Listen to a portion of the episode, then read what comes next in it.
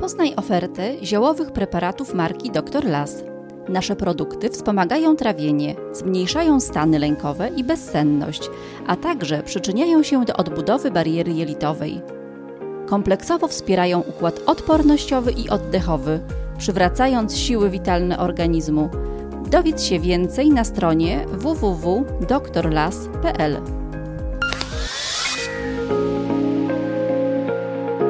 www.drlas.pl. Radioklinika. Rozmawiamy o Twoim zdrowiu.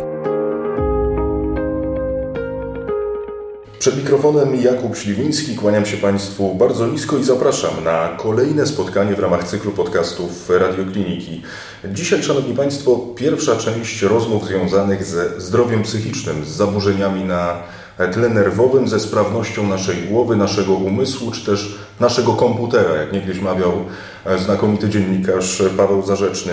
Nie jest tajemnicą, mieli Państwo, że nerwica, o której dzisiaj porozmawiamy, niekorzystnie wpływa na nasz umysł, na nasze ciało, potrafi zaburzyć relacje z ludźmi, utrudnia nam funkcjonowanie na wielu różnych polach i wydaje mi się, że jest to tylko kropla w morzu następstw, jakie może za sobą nieść z pewnością nieleczona niestety, ale może prowadzić również do depresji.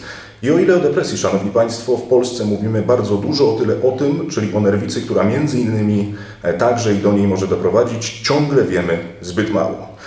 Czy da się oswoić lęk, czy da się ten lęk pokonać, bądź też zniwelować jego wpływ, czym tak naprawdę są zaburzenia lękowe? O tym porozmawiamy dzisiaj na antenie Radiokliniki z naszym znakomitym gościem. A razem z nami na antenie Radiokliniki jest pan dr Paweł Brudkiewicz, specjalista w zakresie psychiatrii, psychoterapeuta psychodynamiczny, lekarz z kilkunastoletnim doświadczeniem zawodowym, założyciel i redaktor naczelny czasopisma specjalistycznego Medycyna Praktyczna Psychiatria, specjalista w Centrum Dobrej Terapii w Krakowie, gdzie właśnie się znajdujemy.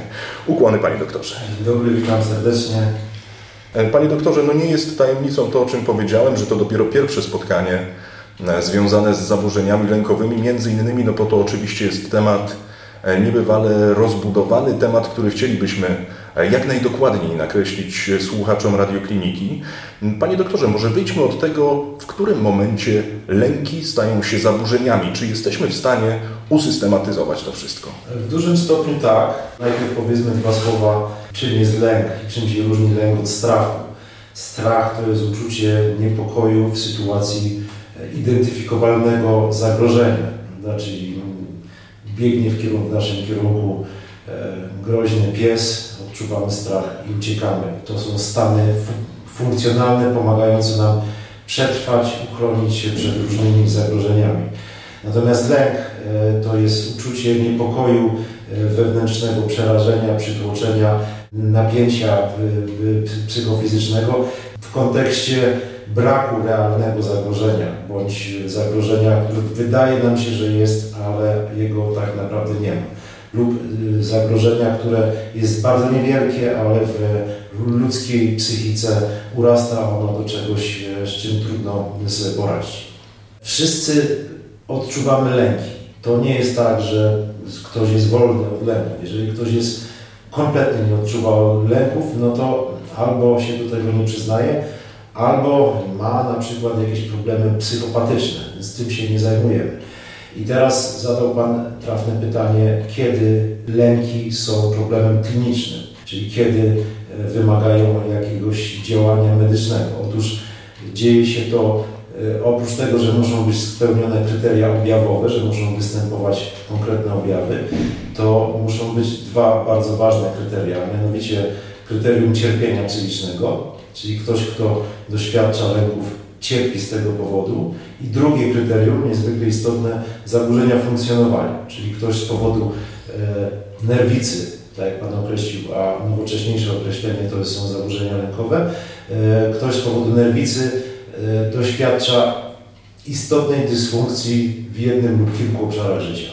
Panie doktorze, a jeżeli mowa o atakach paniki, no bo to ostatnio również jest temat, który bardzo często, niestety, ale również w takim negatywnym kontekście e, przejawia się, przewija się w mediach. Czy to również są, czy właściwie te zaburzenia lękowe, to też jest wszystko ze sobą połączone? Czy ataki paniki również możemy, e, możemy niejako łączyć z tym, o czym Pan przed momentem powiedział? Tak, no, napady paniki, ataki paniki są jedną z nerwic, czyli jednym z zaburzeń lękowych. Można powiedzieć dosyć modelowym z tego względu, że objawy występują w sposób bardzo gwałtowny i są bardzo widoczne.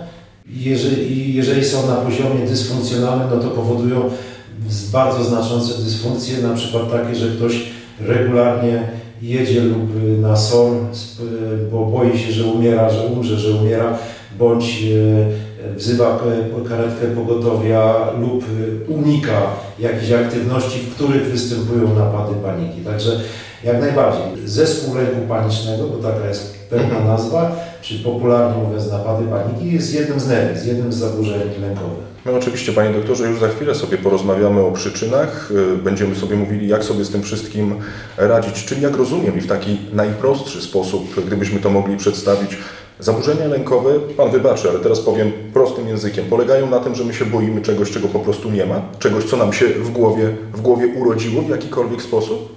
Tak, tak, w uproszczeniu tak można powiedzieć, że lęki, e, zaburzenia lękowe dotyczą, lęki występują wtedy, kiedy e, zagrożenia realnego nie ma lub ono jest niewspółmiernie małe do przeżywania lęku.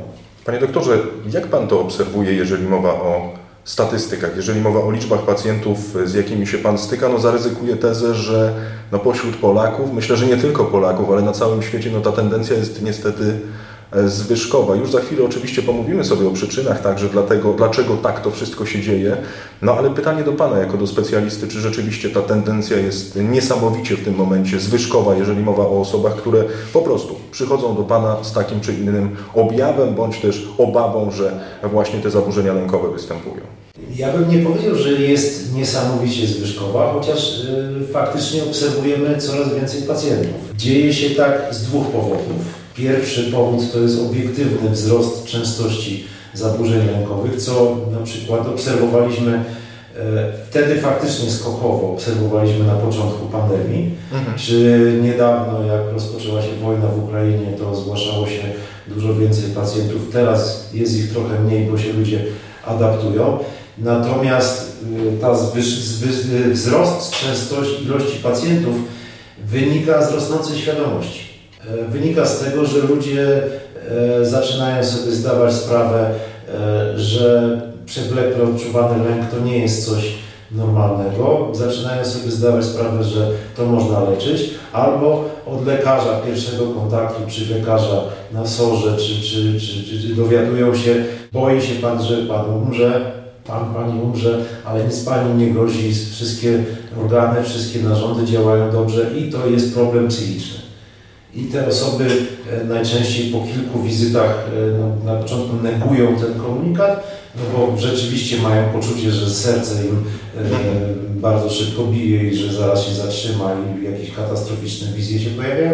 Natomiast po kilku takich, nazwijmy to kolokwialnie, wizytach na sorze zgłaszają się za namową lekarza, zgłaszają się do psychiatry, który potwierdza rozpoznanie nerwicy, czy, czy, czy, czyli zaburzenia lękowego. Już za chwilę, Panie Doktorze, również przejdziemy sobie właśnie do tej pierwszej diagnostyki, do spotkań e, z lekarzami rodzinnymi, z lekarzami pierwszego kontaktu, ale jeszcze chciałbym się zatrzymać przy tym, co Pan przed momentem powiedział, że ta świadomość wzrasta, ale nie jest też tak troszeczkę w drugą stronę, że my mamy oczywiście w dobie internetu jest mnóstwo grup, chociażby na portalu Facebook, które także na swój inny i różnoraki sposób zajmują się pomocą sobie nawzajem. Myślę tutaj oczywiście o uczestnikach tychże grup.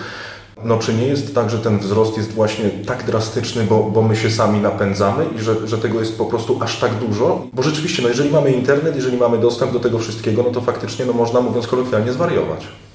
No tak, nadmiar internetu, nadmiar mediów z całym szacunkiem dla. Oczywiście. E, może być szkodliwy, tak, nadmiar czegokolwiek, ale nie wydaje mi się, okej, okay, no faktycznie na przykład w czasie pandemii, można, czy na początku pandemii, czy później można było obserwować takie wzajemne indukowanie się lękowością i to jest jeden z czynników, prawda, że osoby lękowe mogą wzbudzać lękowość u innych osób i taki efekt kuli śnieżnej e, może się rozwijać. Natomiast to są takie y, zmiany krótkoterminowe. No, my zobaczymy, co będzie w najbliższym czasie w sytuacji narastającego kryzysu ekonomicznego, bo może się okazać paradoksalnie, że nerwic czy zaburzeń lękowych będziemy widzieli w gabinecie mniej.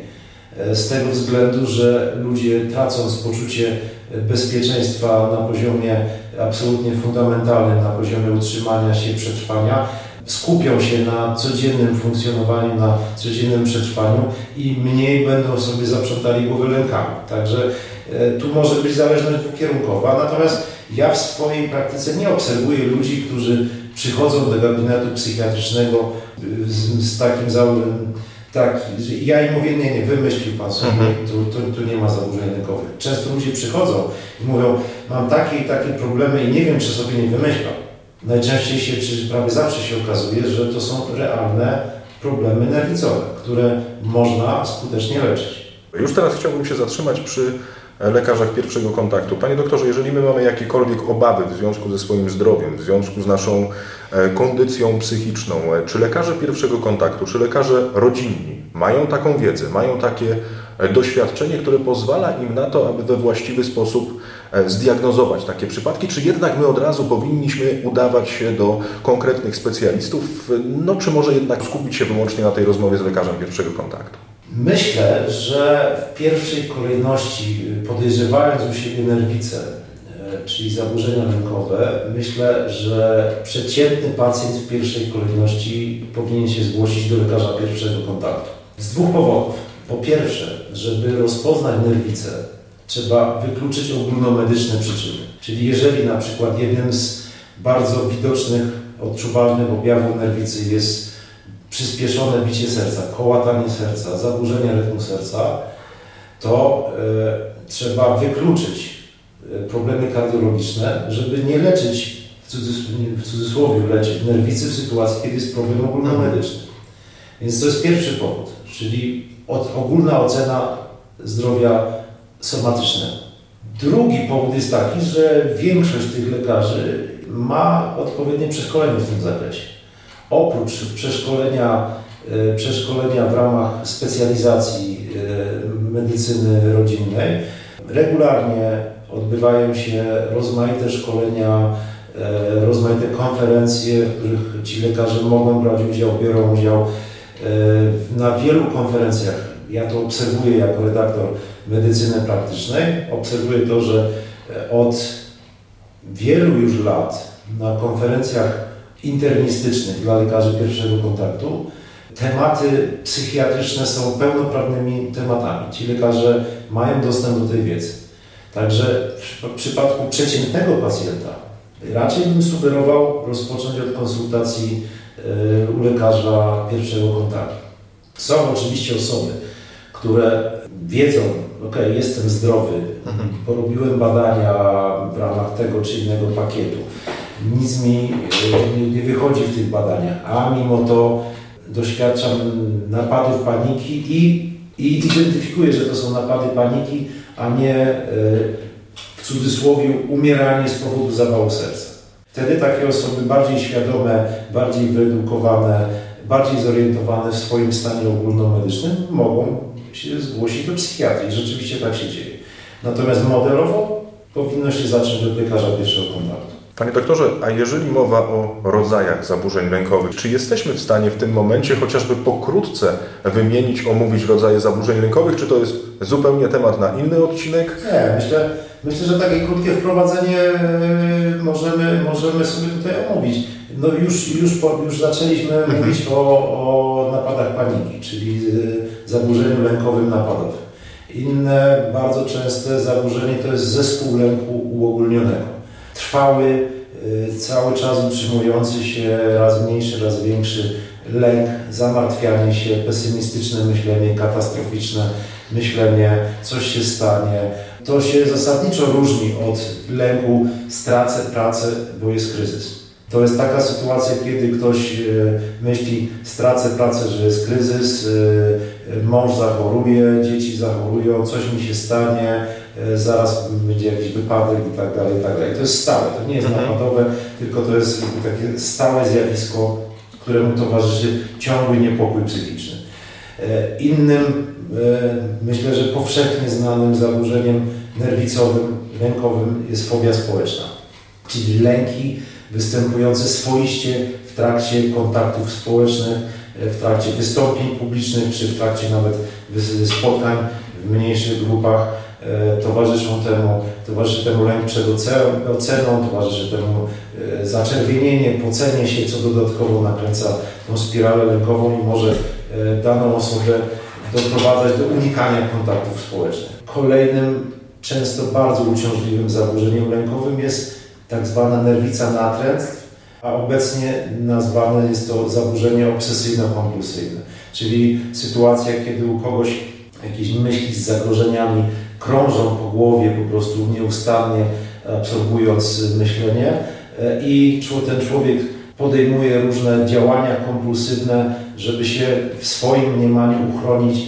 przed jakimiś zagrożeniami. Czyli na przykład pojawiają się takie klasyczna nerwica natręt, to są lęki przed skażeniem, przed, przed zabrudzeniem się, które prowadzą osobę do tego, że myje ręce ponad miarę. E, czyli, że myje ręce tak często, że zabiera to czas na jakieś inne funkcjonowanie, że na przykład ta osoba e, po dotknięciu czegokolwiek myje ręce, czy ta osoba e, wychodzi z domu godzinę, same czynności higieniczne trwają godzinę prawda? I nie ma czasu, zaczyna brakować czasu na jakieś inne aktywności. Jeszcze innym, coraz częściej spotykanym, coraz częściej uświadamianym zaburzeniem lękowym jest e, zespół stresu pourazowego, czyli PTSD. To nie jest zaburzenie, które występuje, tak jak kiedyś myślano, tylko u żołnierzy wracających tak, tak, z tak, wojny. To dotyczy też osób, które, które doświadczają gwałtownego zagrożenia zdrowia i życia, na przykład w wypadku samochodowym, czy jakiejś napaści na ulicy, bądź tak zwany kompleks PTSD, złożony PTSD, który występuje u osób Mm, przez wiele lat narażonych na e, mniejsze, ale istotne zagrożenie, na przykład e, u osób będących ofiarą przewlekłej przemocy fizycznej i psychicznej. Jest jeszcze, tak z grubsza mówiąc, jeszcze mhm. jedna, jedna grupa zaburzeń lękowych, bardzo trudna w diagnozie, to są zaburzenia somatyzacyjne, czyli e, dana osoba nie czuje lęku, bądź wydaje jej się, że nie czuje lęku, a pojawiają się różne dziwne objawy, bóle brzucha, bóle głowy, mrowienia, jakieś zawroty głowy, lęk przed upadkiem. No i te osoby bardzo często chodzą do lekarzy, wykonują różne badania. Wykazuje się, że nie ma żadnych przyczyn. Jedną z odmian takiego zaburzenia może być hipochondria, czyli lęk przed chorobami. No i te osoby też często wy, wytwarza się w nich, chciałem powiedzieć wymyślają, ale to nie jest tak.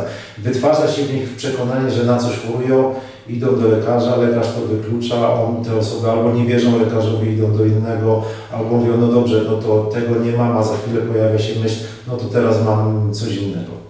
Coś o tym wiem, panie doktorze, akurat o tej ostatniej kwestii. Kiedy tak pana słucham, no to wydaje mi się, że w jakimś mniejszym lub też większym stopniu, no niestety, ale chyba każdy ma pewnego rodzaju zaburzenia lękowe, ale to taka moja, moja luźna sugestia i jeszcze zanim... Właśnie nie, właśnie nie zaburzenia lękowe, objawy lękowe. Objawy, tak. Objawy lękowe ma każdy. Bo też, y, mnie się też zdarza myśleć, aha, czy ja przypadkiem nie jestem chory na serce. Ale to jest, y, jeżeli, jeżeli to, to, to może być myśl funkcjonalna, że sobie zrobię mhm. badanie i lekarz powie, jest Pan zdrowy. I ja wtedy wychodzę od lekarza, ulga i żyję dalej. Także to jest ta różnica. Osoba z hipochondrią będzie wymyślała w cudzysłowie wymyślała. Nie używamy słowa wymyślała. Tak, tak, jest. Będzie, będzie się w jej wyobrażeniu wytwarzała kolejna wizja, bo te osoby nie robią tego celowo i specjalnie, ale będzie się wytwarzała, to, no dobrze, mam zdrowe serce, no to mam guza mózgu. Panie doktorze, już za chwilę oczywiście wrócimy sobie do, do objawów, no bo tak jak Pan powiedział, no jest to bardzo trudne, żeby to wszystko sobie rozgraniczyć pomiędzy rzeczywiście problemami, na przykład kardiologicznymi, a, a zaburzeniami lękowymi. Mm, ale jeszcze chciałbym Pana zapytać o to, co Pan powiedział chociażby przy okazji fobii społecznej. Czy my jesteśmy w stanie, tutaj zupełna taka, taki delikatny przykład, nabyć taką fobię społeczną, na przykład odgradzając się od ludzi, dajmy na to słuchawkami. Czy osoba, która powiedzmy ma tam kilkanaście lat, funkcjonowała sobie najzupełniej spokojnie i nagle po kilku latach używania słuchawek ona jest zupełnie w innym świecie i nagle nabiera takich jakichś dziwnych przekonań, że coś jest nie w porządku. Nie wydaje mi się, żeby samo używanie słuchawek było wystarczające, natomiast rzeczywiście spotkałem wiele takich osób, które z różnego powodu ulegały lub, lub, lub decydowały się na izolację. Nie, znaczy, szczególnie to było widoczne w pandemii, mhm. ale, ale niekoniecznie. Osoby, tylko były to osoby nieśmiałe, prawda, które mhm. już a priori miały jakieś trudności w kontaktach społecznych. Nieśmiałość nie jest zaburzeniem. Wiele osób sobie z nieśmiałością stopniowo radzi i potrafi coraz lepiej funkcjonować. Natomiast często się spotyka taki wzorzec, jeśli chodzi o fobię społeczną, że ktoś ma predyspozycję pod postacią nieśmiałości, zdarzy się seria jakichś sytuacji, kiedy te osoby zostaną obśmiane, wyszydzone, wydaje im się, że się skompromitowały mhm. lub te osoby z przyczyn subiektywnych lub obiektywnych się zamykają w domu, na przykład, żeby pracować zdalnie. Ktoś jest nieśmiały, powiedzmy, e, taki typowy przy, przykład. Nieśmiały informatyk może pracować z domu, e, świetnie sobie radzi, robiąc zakupy zdalnie mhm. itd., itd. I teoretycznie w uzasadniony sposób jego kontakty społeczne się zawężają, więc on nie ma możliwości trenowania z tą nieśmiałością, radzenia sobie z tą nieśmiałością i potem może się okazać, że on wychodzi do świata i, i że są lęki społeczne, że to już jest na poziomie fobii społecznej. Czy dzieci na przykład, które są nieśmiałe i w przebiegu jakiejś choroby ogólnej trafią na kilka miesięcy do szpitala i przestaną chodzić do szkoły. Mogą wrócić z fobią społeczną z tego względu, że mhm. nie miały możliwości trenowania, radzenia sobie z nieśmiałością. Panie doktorze, wróćmy do objawów zaburzeń lękowych i do tego momentu, w którym my powinniśmy się udać już do e, specjalisty. No bo my oczywiście mówimy o chociażby o kołataniu serca. No czy jest taki zestaw tych, e, tych zachowań, tego działania, które już powinno nam gdzieś w głowie zapalić lampkę, że to jest ten właściwy moment, kiedy ja powinienem e, zapukać do drzwi specjalisty? Czy to jest absolutnie kwestia, no kwestia, której my nie jesteśmy w stanie w jakikolwiek sposób usystematyzować i tak dalej? Znaczy, no, można to usystematyzować, ale ta systematyzacja to jest cała książka, cały podręcznik do, do psychiatrii. Ogólnie rzecz biorąc, na poziomie laika można myśleć w takich kategoriach, czy czuję się dobrze, a okresowo mam jakieś lęki, ale ogólnie, no, powiedzmy, no, nie wiem, no, nie, nie zdecydowałbym się na jakiś roller coaster w jakimś parku rozrywki, mhm. ale e, przez most nad Wisłą przejdę, prawda? Czy e, doświadczam takich objawów, które powodują jakiś stały dyskomfort, stały, przewlekły dyskomfort psychiczny lub gwałtowny dyskomfort, taki jak w napadach paniki i ograniczają nasze funkcjonowanie. Czyli na przykład ktoś, kto ma agorafobię, szczególną postać agorafobii, no, nie przejdzie przez most, czy ktoś, kto cierpi na fobię społeczną,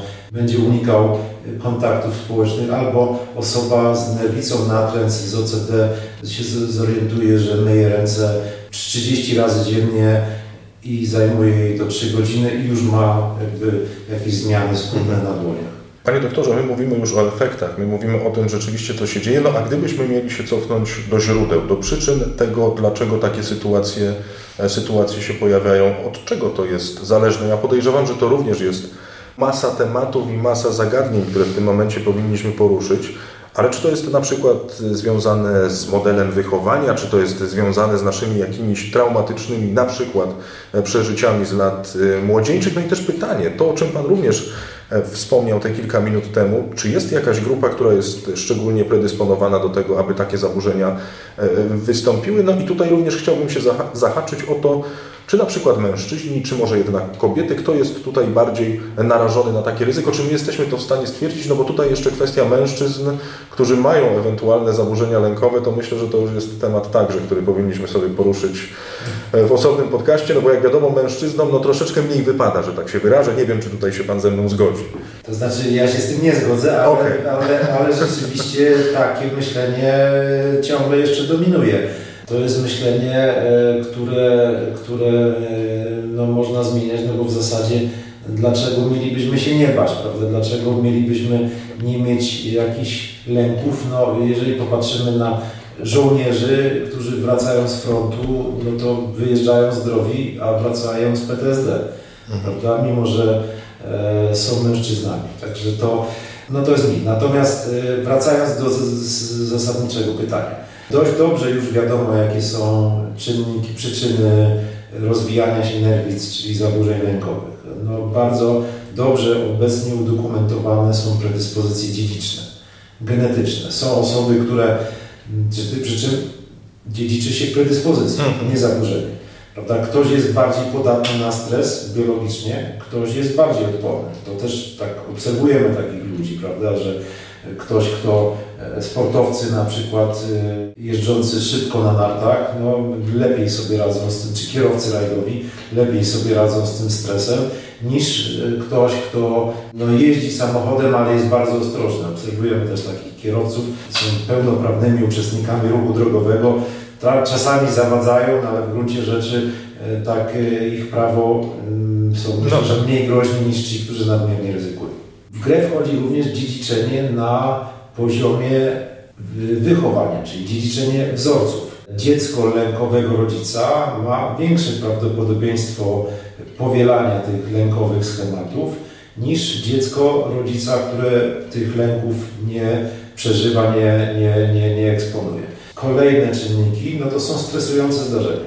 Po prostu można w cudzysłowie nabyć reakcji lękowych, w sytuacji, kiedy na przykład, tak jak wspomniałem, ta osoba z nieśmiałością, mhm. jeżeli ta osoba z nieśmiałością trafi do środowiska, w którym nie będzie e, jakiegoś wysokiego poziomu szydzenia, e, wyśmiewania itd., tak itd., tak ma szansę, a spotka osoby wspierające, ma szansę pójść w tym kierunku lepszego radzenia sobie z nieśmiałością. Natomiast jeżeli taka osoba trafi do środowiska, gdzie będzie więcej szydzenia, wyśmiewania się, bullyingu, jakichś takich przemocowych postaw, może raz, drugi, trzeci, wielokrotnie doświadczyć bardzo nasilonego lęku w sytuacjach społecznych, co skieruje jej rozwój osobowościowy właśnie w kierunku fobii społecznej. Czy klasyczny przykład rozwoju zaburzeń lękowych e, pod wpływem stresu, no to jest PTSD będzie uczestnikiem wypadku komunikacyjnego i wcześniej zdrowa osoba, która nie ma zaburzeń lękowych, nie ma nerwicy, potem ma, doświadcza kłopotliwych objawów PTSD. Nadużywanie substancji psychoaktywnych jest jedną z niedocenianych przyczyn zaburzeń lękowych. Na przykład alkohol. Wiele osób y, pije alkohol, żeby się rozluźnić, odprężyć, czasami wręcz, żeby stłumić leki ale to jest pułapka, dlatego że alkohol, tak realnie rzecz biorąc, ma działanie lękorodne. Krótkoterminowo alkohol może stłumić lęki, może zahamować ośrodki lękowe, ale tak naprawdę potem e, im częściej się używa alkohol, im większej ilości, tym te lęki e, się nasilają i jeszcze się dołączają takie lęki poalkoholowe. Problemy zdrowotne z natury rzeczy bardziej osłabiają naszą odporność psychiczną i bardziej nas narażają na e, zaburzenia, na wystąpienie nerwicy czy zaburzenia mhm. lękowego.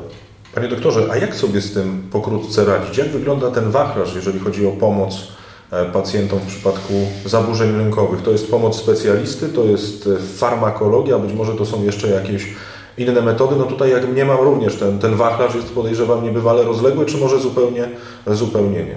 Jest bardzo rozległy. Jest bardzo rozległy i można zacząć od takich e, działań jak szukanie wsparcia wśród bliskich e, czy wsparcia społecznego, jak szukanie e, wiedzy w internecie, prawda, że ktoś zaczyna doświadczać jakichś przykrych objawów i bardzo często pacjenci przychodzą i tak wstydliwie mówią, no trochę czytałem o tym w internecie, ja ich zachęcam, żeby powiedzieli, bo to jest już coś, że ktoś podjął jakieś działania, żeby się dowiadywać, czyli psychoedukacja, która może się odbywać samemu, szukając jakichś źródeł ciekawych, ale może się odbywać, jest też psychoedukacja z metodą medyczną, także mm, urealnianie, zdawanie sobie sprawy, no, że, że to jest lek i swoistego rodzaju demitologizacja, bo najgorsze, co się dzieje w nerwicach, czyli zaburzeniach lękowych, to jest lęk przed lękiem. Bo w momencie, kiedy człowiek sobie pomyśli, ok, doświadczam lęku, to nie jest groźne, zaraz mi to przejdzie, to wtedy jest duża szansa, że przejdzie szybciej i, i ulga będzie wyraźniejsza. Natomiast jeżeli ktoś doświadcza lęku i zaczyna się bać tego, że doświadcza lęku, czyli dochodzi do takiej spirali nakręcającej się, no to wtedy y, objawy się nasilają i trudniej jest je opanować. Czyli to mówimy o takich działaniach na poziomie, poziomie niemedycznym, czyli kontakty społeczne, edukacja, wiedza. No ludzie e, lepiej wykształceni, mniej się boją e, różnych zagrożeń, bo wiedzą, że to nie są zagrożenia. A następnie no, kontakty ze specjalistami, czyli na kontakt z lekarzem pierwszego kontaktu, co jest bardzo ważne, żeby wykluczyć przyczyny i jest szansa, że ten lekarz postawi przynajmniej wstępne rozpoznanie i zaproponuje jakieś wstępne postępowanie lub kontakt z doświadczonym psychologiem lub kontakt z psychiatrą. I teraz zasadniczo znakomitą większość nerwic jesteśmy w stanie mniej lub bardziej skutecznie leczyć. Metody leczenia nerwic w pierwszej kolejności, te najbardziej przyczynowe to są metody psychoterapeutyczne.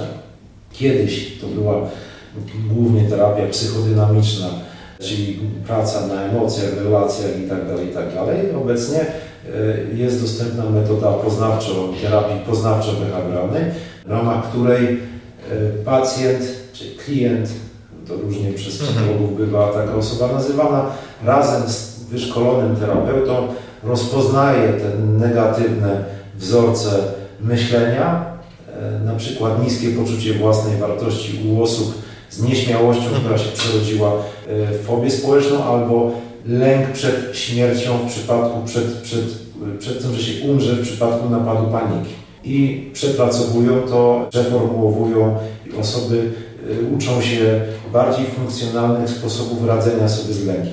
Ale jedną z tych metod jest, na przykład, jest, jest urealnienie, ten lęk nie zrobi krzywdy.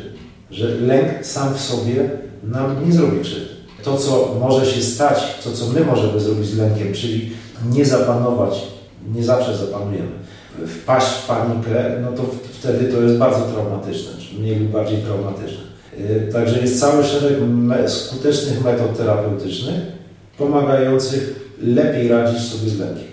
Nie chodzi o to, żeby tego lęku w ogóle nie odczuwać, bo to jest nierealne. Chodzi o to, żeby ten lęk y, lepiej sobie uświadamiać i pomyśleć, aha, zbliża się napad paniki, nic mi się nie stanie, zatrzymam się, yy, poddycham chwilę spokojniej, bez przyspieszonego oddechu, odprężę się, nie zrobię jakąś małą medytację i to napięcie, to napięcie spada.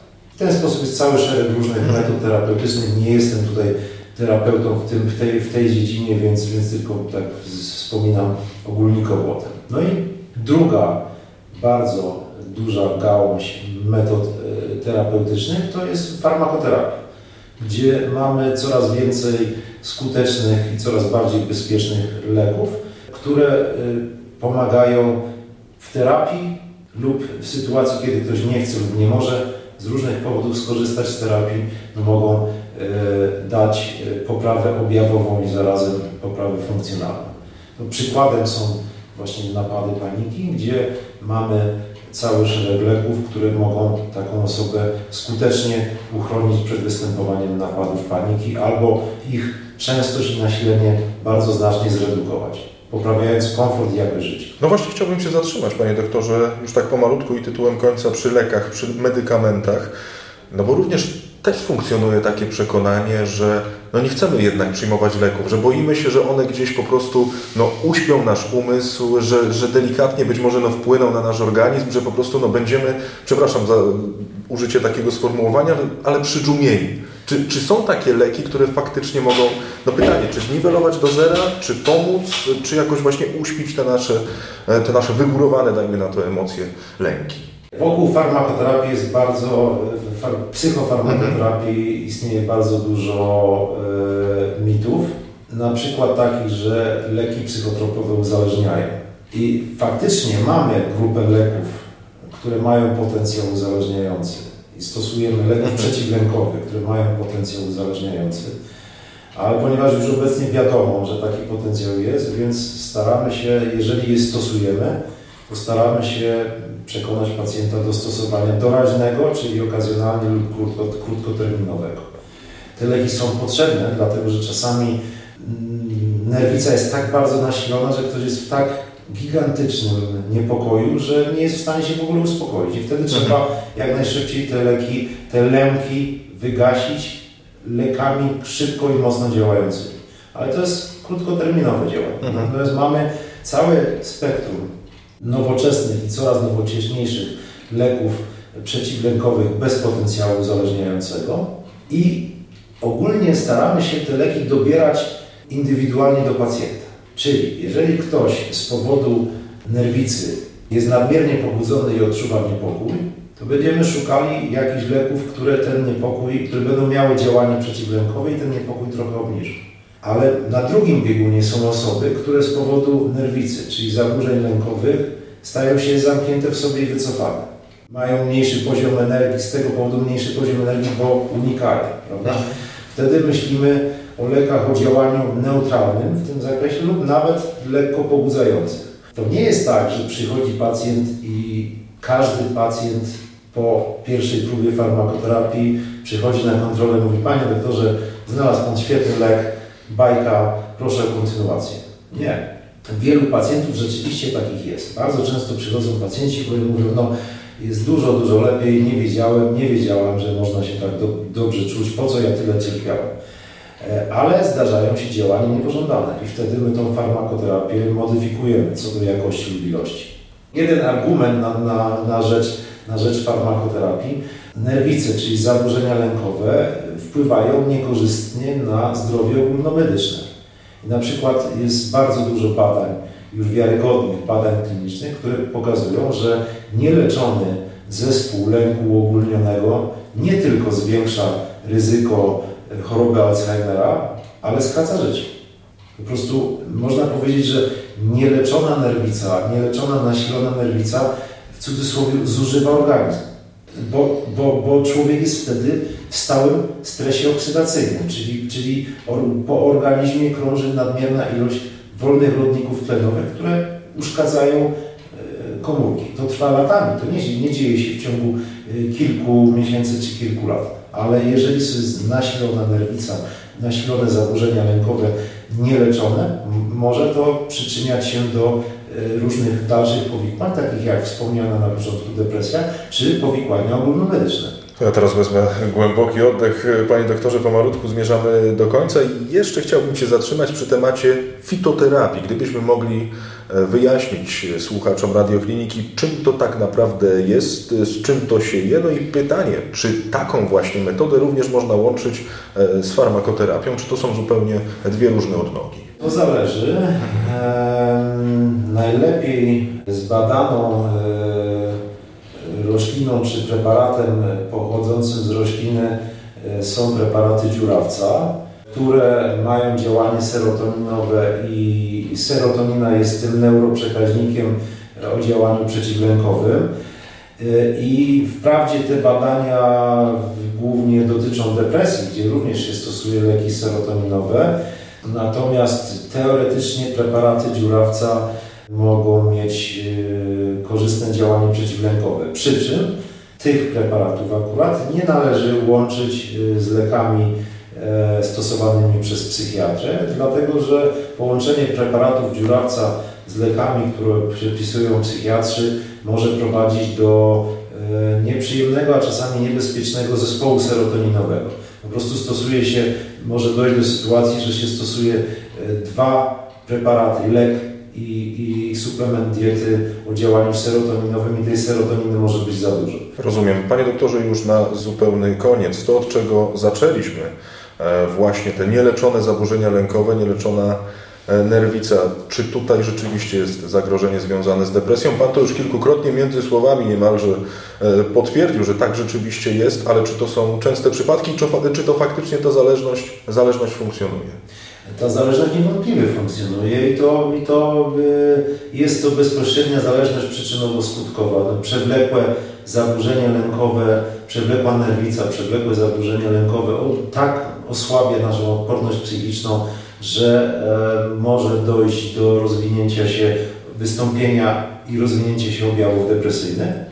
I czasami się zdarza tak, że przychodzi ktoś z ewidentnymi objawami depresyjnymi, jak zbieramy wywiad, to się okazuje, że wcześniej przez całe lata był zespół lęku uogólnionego na przykład. Druga możliwa, możliwa trajektoria nerwica, depresja na przykład może być taka, że u kogoś e, rozwija, że u kogoś rozwija się e, w przebiegu nerwicy bezsenność, przewlekły deficyt, przewlekła bezsenność, przewlekły deficyt snu, a przewlekły deficyt snu jest czynnikiem ryzyka depresji.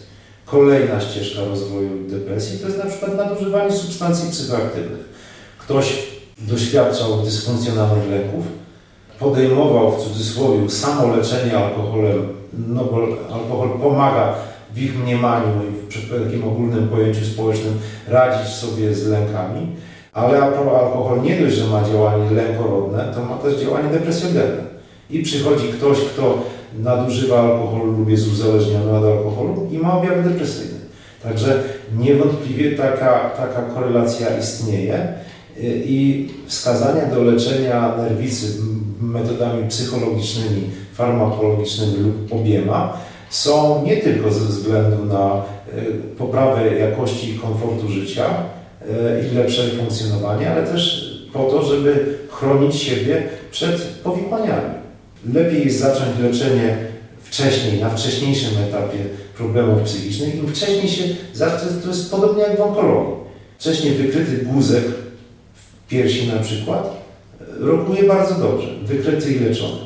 Wcześniej, wcześniej wykryte zaburzenia psychiczne, takie jak nerwice czy depresja, drukują bardzo dobrze, dużo lepiej niż nieleczone, zaniedbane, mówiąc kolokwialnie, przechodzone. I znakomicie, że Pan o tym wspomniał, bo my o tym zapobieganiu, a także o roli rodziny i otoczenia w przypadku e, tych schorzeń, w przypadku tych różnych objawów, o których dzisiaj e, rozmawialiśmy. My także porozmawiamy sobie przy okazji e, następnego odcinka tegoż podcastu na antenie Radiokliniki.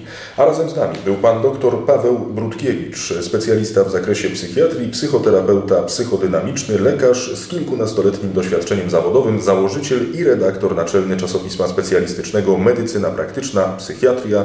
Gościliśmy dzisiaj w Centrum Dobrej Terapii w Krakowie, gdzie oczywiście także i pana doktora można spotkać. Panie doktorze, ogromna przyjemność i widzimy i słyszymy się niebawem. Przyjemność również jest po mojej stronie. Dziękuję Państwu bardzo. Dziękuję Panie redaktorze i do usłyszenia i do zobaczenia. Więcej audycji na stronie radioklinika.pl i w naszej aplikacji mobilnej.